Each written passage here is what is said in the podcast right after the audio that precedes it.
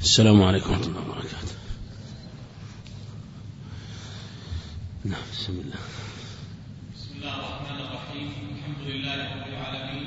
صلى الله وسلم وبارك على عبده ورسوله محمد وعلى آله وأصحابه وأتباعه بإحسان إلى يوم الدين. اللهم صل وسلم. اللهم اغفر لنا ولشيخنا وللحاضرين والمستمعين يا رب العالمين. أما بعد فيقول المصنف رحمه الله تعالى باب التشديد في أذى المسلم. حدثنا محمد بن عبد الله بن شاقون حد نعم. حدثنا عبد الحميد يعني بن سليمان. ولعل لعل عندك شابور الظاهر انه صواب السابور بالمهملة نعم سابور نعم. حدثنا محمد بن عبد الله بن ساقون نعم. نعم حسن حدثنا عبد الحميد يعني بن سليمان عن ابن أبي ذئب عن المقبوري عن أبي هريرة رضي الله عنه قال قال رسول الله صلى الله عليه اللهم وسلم صل وسلم. والله لا يؤمن والله لا يؤمن والله لا يؤمن بالله. قالوا يا رسول الله وما ذاك قال جار لا يأمن جاره بوائقه. قالوا يا رسول الله وما بوائقه. وما بوائقه قال شره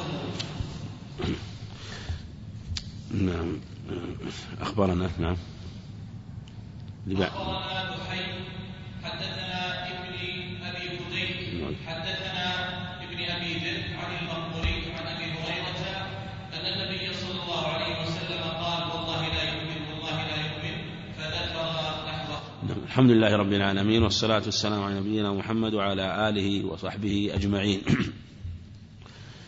يقول المصنف رحمه الله تعالى الحافظ أبو العباس الحسن بن سفيان النسوي رحمه الله في كتابه الأربعين حدثنا محمد بن عبد الله بن سابور هذا ابن سابور في بعض النسخ هنا شابور بالمعجمة وصوابه بالمهملة سابور كما في كتب الرجال لأنه من رجال التقريب وأصوله التهذيب الرقي وهذا من شيوخ ابن ماجه وهو صدوق لا بأس به. حدثنا عبد الحميد يعني ابن سليمان وهذا هو الخزاعي. عبد خزاعي أبو عمر وله أخ يقال له فليح بن سليمان وعبد الحميد هذا ضعيف وأخوه فليح أحسن منه لكنه أيضا له خطأ وغلط رحمه الله لكن عبد الحميد أضعف منه. فهو من هذا الطريق الحديث ضعيف من طريق عبد الحميد بن سليمان. عن عن ابن أبي ذئب. ابن أبي ذئب ابن أبي ذئب محمد بن عبد الرحمن بن أبي ذئب الإمام المشهور رحمه الله قرشي ثقة فقيه رحمه الله روى له الجماعة وهو في طبقة شيوخ مالك رحمه الله في سنة ثمان وخمسين ومائة عن المقبري. المقبري هذا هو سعيد بن أبي سعيد. وأبوه اسمه كيسان فهو سعيد بن كيسان المقبري. والباء فيه مثلث يقال المقبري والمقبري والمقبري. لأنه يسكن عند المقابر أو قريب من المقابر ولهذا قيل له المقبري سعيد بن أبي سعيد وهو ثقة رحمه الله وأبوه ثقة من الطبقة الثانية وهو يروي عن أبيه عن أبي هريرة ويروي أحيانا عن أبي هريرة مباشرة. وتكلم بعض العلم في رواية عن أبي هريرة وقالوا إنها رواية مرسلة. ويروي محمد بن عجلان عنه عن أبيه عن أبي هريرة وتارة عنه عن عنه عن أبي هريرة. وتارة يروي عن أبيه عن أبي هريرة وخلط رواياته بأبيه عن أبي هريرة بروايته عن أبي هريرة. لكن كما قال جمع من أهل العلم هذا لا يضر لأن الواسطة بين سعيد وأبي وهو وأبي هريرة ثقة. الواسطة بين سعيد وأبي هريرة ثقة وهو أبوه كيسان المقبري. وهذه قاعدة إذا كان الواسطة ثقة وحصل اختلاف السند وكان مداره على ثقة فلا يضر. إنما يضر إذا كان مروي عن اثنين أحدهما ثقة والآخر ضعيف ولا يدرى, ولا يدرى عن أيهما. أما إذا دار على ثقة فلا يضر. عن أبي هريرة عبد الرحمن بن صخر وقيل عبد الله بن عمرو واختلف اسمه كثيرا. أبو هريرة الدوسي رضي الله عنه أسلم قبل وفاة النبي بأربع سنين وحفظ شيئا كثيرا وعلما كثيرا رضي الله عنه. وقد دعا له النبي عليه الصلاة والسلام بالحفظ كما في صحيح البخاري أنه قال من يبسط رداءه فلا ينسى شيئا من حديثي. فبسط رداءه فجعل النبي يقول بيده كأنه يغرف شيئا. قال أبو هريرة فما نسيت بعدها شيئا رضي الله عنه وهو راوية الإسلام. وله مناقب عظيمة. ومن ذلك الحديث المشهور الذي رواه الترمذي وغيره أن النبي عليه الصلاة والسلام دعا له في تمرات وضعها أخذها ووضعها في خرج له نحو من عشرين تمرة عشرين تمرة. وكان أبو هريرة يقول فكنت آكل من هذا التمر في خرج له ربطه على وسطه. فكان يأكل منه في زمن النبي عليه الصلاة والسلام وزمن أبي بكر وزمن عمر. وكان ينفق في سبيل الله ويتصدق من هذا الخرج الذي ليس فيه إلا عشرين تمرة. ويقول أخرجت منه كذا كذا وسقا في سبيل الله. يعني تصدق في سبيل الله بأوساق. الوسق كم الوسق؟ كم كم الوسق؟ ستون صاع. نعم. ستون صاع. الوسق ستون صاعا. يعني أنه تصدق من هذا الذي ربط في وسطه بهذه الأصل سوى ما يأكله ويطعمه لغيره رضي الله عنه. هذه بركة عظيمة. قال فلما كان زمن عثمان انقطع. لأن حصل فتنة فكان من أسباب من أسباب ذهاب البركات الفتن. لكن الشاهد حصلت البركة بهذا وهي تمرات يسيرة وقال له عليه الصلاة والسلام إذا أردت أن تأخذ منه فأدخل يدك وخذ ولا تنثره نثرا. لأن الإنسان إذا عامل الشيء الذي يتناوله من طعام أو مال بعين البركة لا بعين الجشع نزلت فيه البركة. لكن إذا عامله بعين الحرص والجشع ذهبت بركته. ولذا تقول عائشة رضي الله عنها كان عندي شطر شعير يعني نصف صاع نصف صاع يعني بعد وفاة النبي عليه الصلاة والسلام. شيء يسير وصاع النبي عليه الصلاة والسلام لا يبلغ إلا أربعة أمداد وهو يقارب نحو من كيلوين وشيء يسير. قال قالت عائشة رضي الله عنها فكنت آكل منه. تأكل وتتصدق وأن تحب الصدقة. قالت فكلته ففني.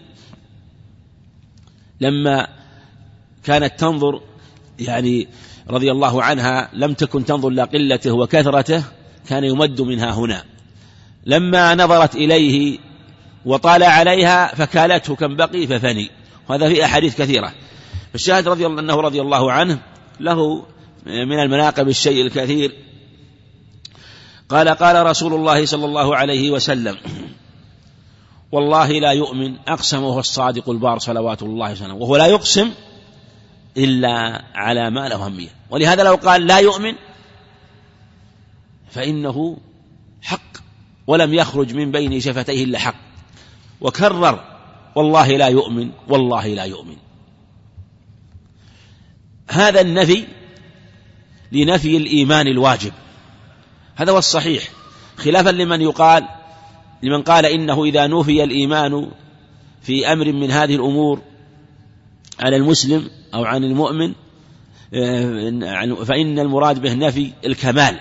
نقول صحيح لنفي الكمال لكننا نقول الكمال الواجب. إذا أرادوا بالكمال الكمال الواجب فصحيح. والكمال كمالان كمال واجب وكمال مستحب. فالكمال الواجب هو الذي يقع مع المستح... النفي. ولا يمكن أن ينفي الشارع مسمى اسم لأجل انتفاء بعض مستحباته. لو كان هذا هكذا لكان عامة أهل الإسلام منفي عنهم الإيمان. لأن فوات المستحب وعدم الإتيان به يكون لعموم يقع في عموم المسلمين. ولهذا لا ينفى هنا إلا مسمى اسم هو واجب. وهذه قاعدة الشريعة إذا نفى مسمى اسم فإنه نفي لحقيقته. قال والله لا يؤمن. يعني أنه انتفى عنه الإيمان الواجب. وليس المعنى أنه كافر لكن عندنا طرفان وواسطة. وعندنا كمال الإيمان والإيمان الممدوح هذا هو الذي أتى بالواجب. وعلى منه من زاد عليه. وليتقدم معنا في الحديث أفلح وإن صدق يعني من أتى بما أوجب الله عليه. وعندنا ضده وهو من انتفى عنه الإيمان أصلا الإيمان هو أصله هذا هو الكافر. وعندنا بينهما وسط وهو المسلم المخلط المؤمن المخلط الذي معه أصل الإيمان ولم ينتفي عنه. ما انتفى عنه يعني معه أصل الإيمان ولم ينتفي عنه الإيمان المطلق. إنما انتفى عنه مطلق يعني له مطلق الإيمان له مطلق الإيمان وليس له الإيمان المطلق. فهو معه أصل الإيمان فهو معه أصل الإيمان. فإيمانه الذي معه ينجو به من الكفر وينجو به من الخلود في النار. لكن لا ينجو به من الوعيد هو في عرضة الوعيد. وهذا هو الذي جاء في الأخبار. مثل لا يزني الزاني حين يزني وهو مؤمن. ولا يشرب الخمر حين يشربها وهو مؤمن. ولا يسرق السرقة حين حين يسرقها وهو مؤمن. ولو لا ينتهب نهبة حين ينتهب وهو مؤمن. ولو يرفع الناس في أبصارهم وهو مؤمن. وهكذا في أحاديث كثيرة جاءت في هذا المعنى. وهذا أيضا يجري في نفي ما أوجب الله مثل من سمع النداء فلم يجب فلا صلاة له. فهو ترك أمرا واجبا للصلاة فدل على أنه وقع في أمر محرم. هكذا هذا المعنى وهذا هو أمر واقع. وكذلك أيضا مثل الحج لو أن إنسان حج لكنه ترك واجب شيئا من واجب الحج ترك المبيت بمنى ترك الرمي نقول إن حجه ناقص فلم يحج الحج الكامل. لكنه مجزئ وحجه صحيح والذي نقصه لا يبطل حجه. إنما ينفي عنه مسمى الحج الواجب مسمى الحج الواجب. ولقال والله لا يؤمن والله لا, لا, لا يؤمن. ولا يكون يعني النفي إلا لنفي أمر يجب الاتيان به كما تقدم وأهل السنة في هذا وسط بين ضلالتين وبين طرفين بين الخوارج والمرجئة. فالمرجئة يقولون هو كامل الإيمان ولو وقع في المعاصي والخوارج يقولون من زنى فهو كافر من شرب الخمر وهو كافر. لا نقول كما قال أهل السنة وكما دلت عليه الأدلة أنه مؤمن بإيمانه فاسق بكبيرته. وهذا يقع أيضا حتى عند الناس. لو أنه مثلا يعني قيل إنسان قال من عمل لي هذا العمل إلى آخر النهار فله كذا وكذا من المال. من أنجز العمل في هذا اليوم. فعمل أناس فأنجزوه وعمل آخرون فلم ينجزوه فاجتمعوا. فيقول الذين أنجزوا نحن أنجزنا وهؤلاء ليسوا منا. يعني ليسوا من الفائزين بالجائزة لكنهم معهم في أصل العمل فلهم فلهم أجر بقدر عملهم. أما هؤلاء فلهم أجر زائد أجر زائد. فلهذا إذا نفي عنهم الوصف الذي لهؤلاء فهو صحيح وإذا أثبت لهم مطلق الوصف فهو صحيح. قال والله لا يؤمن والله لا يؤمن والله لا يؤمن. قالوا يا رسول هذا يدل على أن هذا أم أن من وقع في مثلها ترك أمرا واجب. قالوا يا ما ذاك؟ قال جار لا يأمن جاره بوائقه. البوائق جمع بائقة وهي الظلم والتعدي. قالوا وما بواقيه؟ قال قالوا قال شره. هذه من هذا الإسناد الحديث ثابت في صحيح البخاري من حديث أبي شريح الخزاعي. ورواه البخاري من حديث هريرة لكن لم يسق لفظه آه، مختصرا بدون آه، ذكر قوله قالوا شره. وفي عند مسلم من حديث أبي هريرة مما يؤيد ما تقدم من اللفظ وقول لا يؤمن أن النفي هنا لأمر واجب أنه عليه الصلاة والسلام قال لا يدخل الجنة من لا يأمن جاره بوائقه لا يدخل الجنة. لا يدخل الجنة. ليس المعنى أنه يدخل النار أنه المعنى أنه متوعد بعدم دخول الجنة وكل من لم يفز بدخول الجنة في أول الأمر وقع عليه الوعيد لأنه قد إذا لم يدخل الجنة إما أن يحرم من دخولها أو يدخل النار حتى يتطهر ثم بعد ذلك يدخل الجنة. مثل لا يدخل الجنة قاطع. ولا شك أنه لا يدخل الجنة من لا يأمن جار وقع. الإنسان إذا مات على معصية شو يبعث عليه؟ من مات على شيء؟ بعث عليه. فالذي مات شاربا للخمر شو يبعث؟ شارب الخمر. الذي يبعث الذي يموت وهو يؤذي جاره شو يبعث؟ يبعث كذلك. هو هو معه إيمان وإسلام لكن يبعث بما عليه. من إسلامه وما معه من الظلم. فإذا بعث فالجنة دار الطيبين والطاهرين فلا يدخلها قاطع لا يدخل جنة قاطع. لا يدخل الجنة من في قلبه مثقال ذرة من كبر. لا يدخل الجنة. لكنه بعد ذلك إما أن يتوب الله عليه من أول وهلة فيدخل الجنة ابتداء فيتوب الله عليه لأنه ربما يحصل له من أهوال القبر وشدة القبر ما يكفر الله به سيئاته فيدخل الجنة.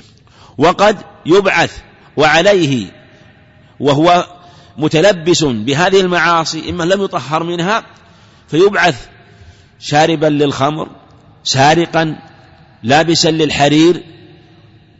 ففي هذه الحال إما أن يدخل الجنة بشفاعة النبي عليه الصلاة والسلام أو أن يدخل أن يدخل النار فيطهر. فإذا تطهر زال ذاك الرجس من قلبه فيكون بعد ذلك ليس في قلبه غش لأخيه المسلم فيكون ماذا من أهل الجنة.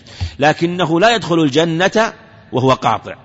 وهذا يبين لك قول إذا جاءت لا يدخل الجنة قاطع. لا يدخل الجنة من في قلبه مثقال ذرة من كبر. الذي يدخل الجنة وش يكون؟ قلبه طيب ليس في قلبه ذرة من كبر يعني دار الطيبين. فإما أن يطهر بالنار فيدخلها وليس في قلبه كبر. طهر بالنار ويدخلها وليس في قلبه شرب إسراع شرب الخمر أو السرقة.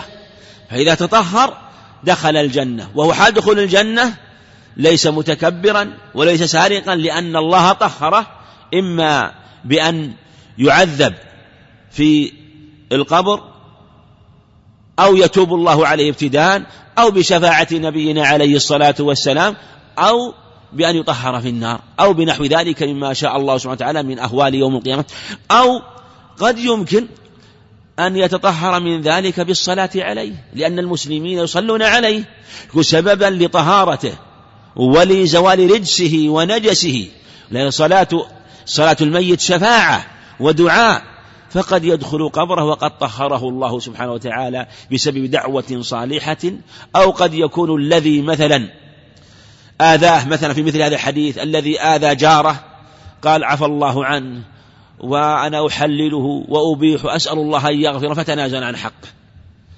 فعند ذلك إذا تنازل وذهب آه، في هذه الحالة يكون قد زال عنه ذاك الرجس والخبث فيدخل الجنة. فينبغي أن نفهم الأحاديث جاءت يأتي فيها النفي لأهل لدخول الجنة أو في دخول النار أو نفي الإيمان أنها على هذا المعنى لأنه قد تقرر بالأدلة القاطعة أن المسلم مآل أن مآل المسلم إلى الجنة. ولهذا لو كان شارب الخمر كافر ولا يدخل الجنة أو لا يزني الزاني كافر لا يزني الزاني حين يومون لو كان كافر هل يطهره القتل؟ هل يطهره الجلد إذا كان بكرا؟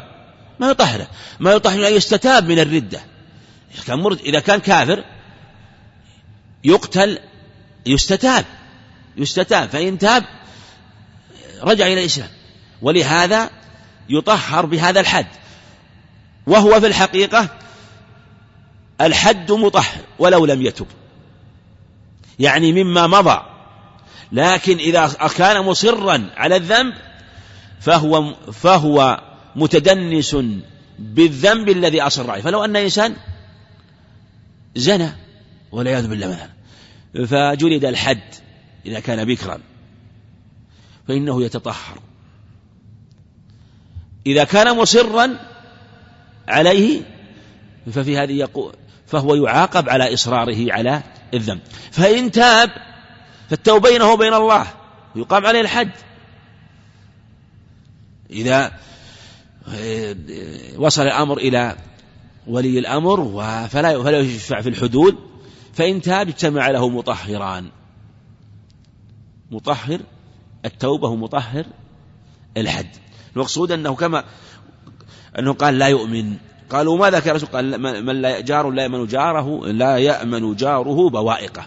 في اللفظ الآخر عند أحمد من حديث مسعود وفي سنة ضعف طريق الصباح محمد البجلي قالوا وما بوائقه يا رسول الله؟ حديث طويل إن الله قسم بينكم. أرزاقكم أخلاقكم كما قسم بينكم أرزاقكم.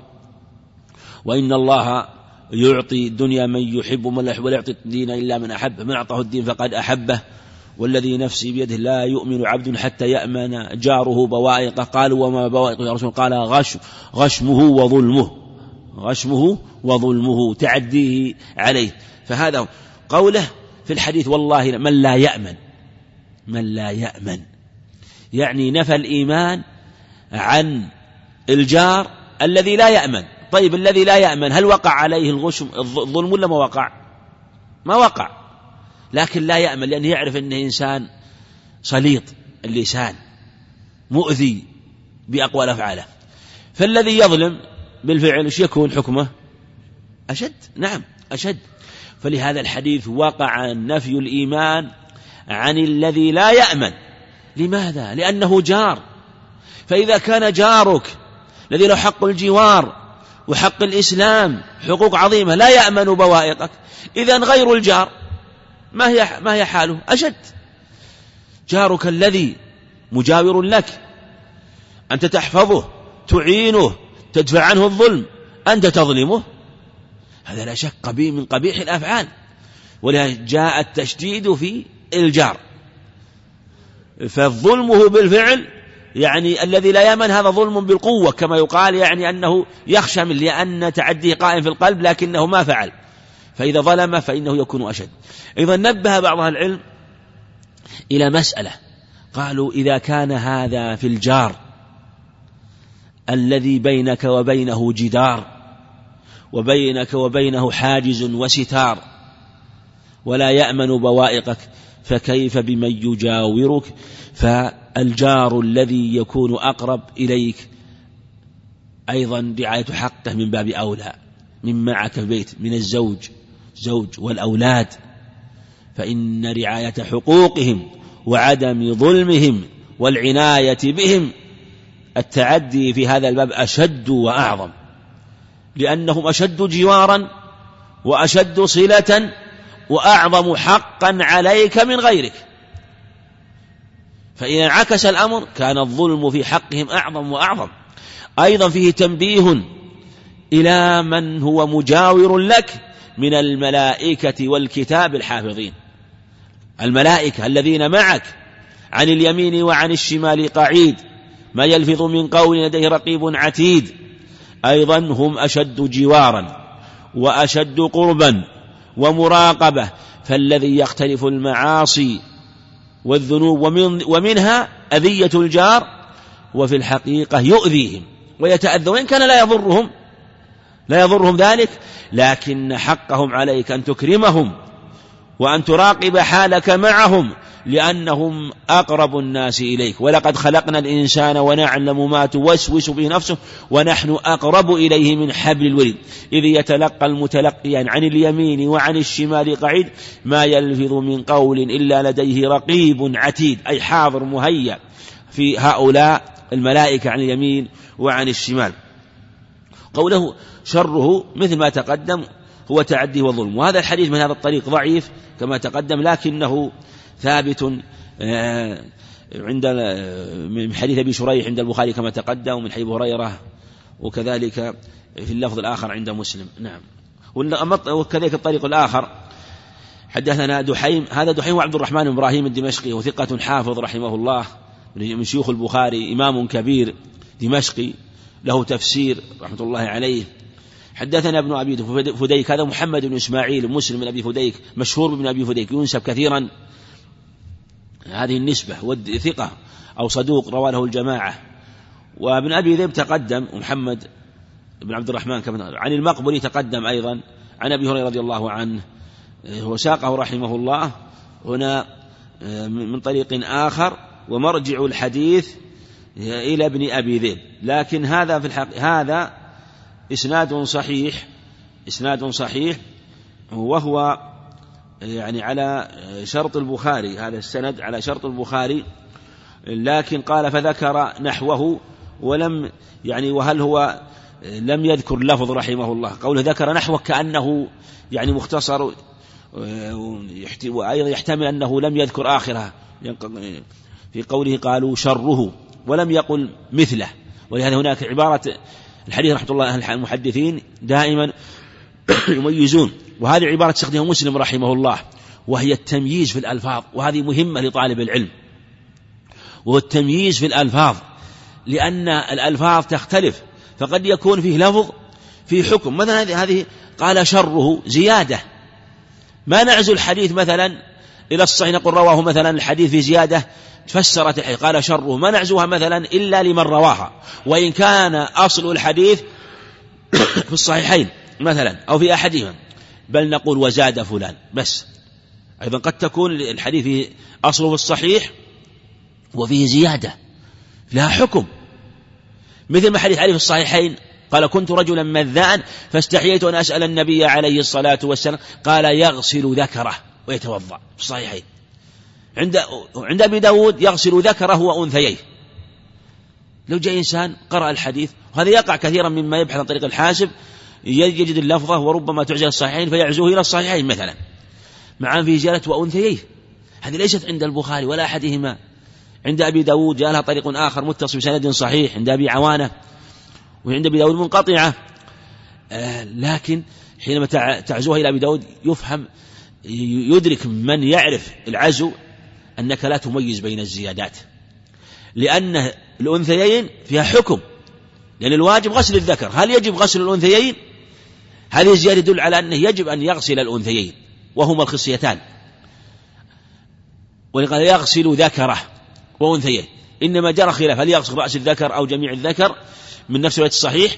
لكن الأنثيين جاءت في الأخرى فالقصد والتمييز ولهذا المصنف قال فذكر نحوه. هذه يستخدمها مسلم رحمه الله والتمييز في الألفاظ. نعم.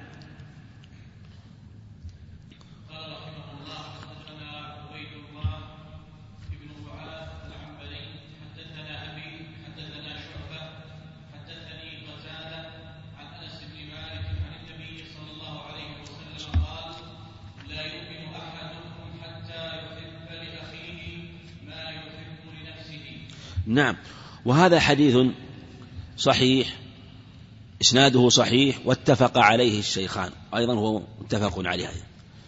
وعبيد الله بن معاذ هذا ثقة حافظ من رجال الشيخين ثقة. وأخوه المثنى من شيوخ مسلم وهو ثقة أيضا أخوه المثنى ابن عبيد الله هذا بن معاذ بن معاذ العنبري. وأبوهما ثقة رحمه الله. حدثنا أبيه معاذ بن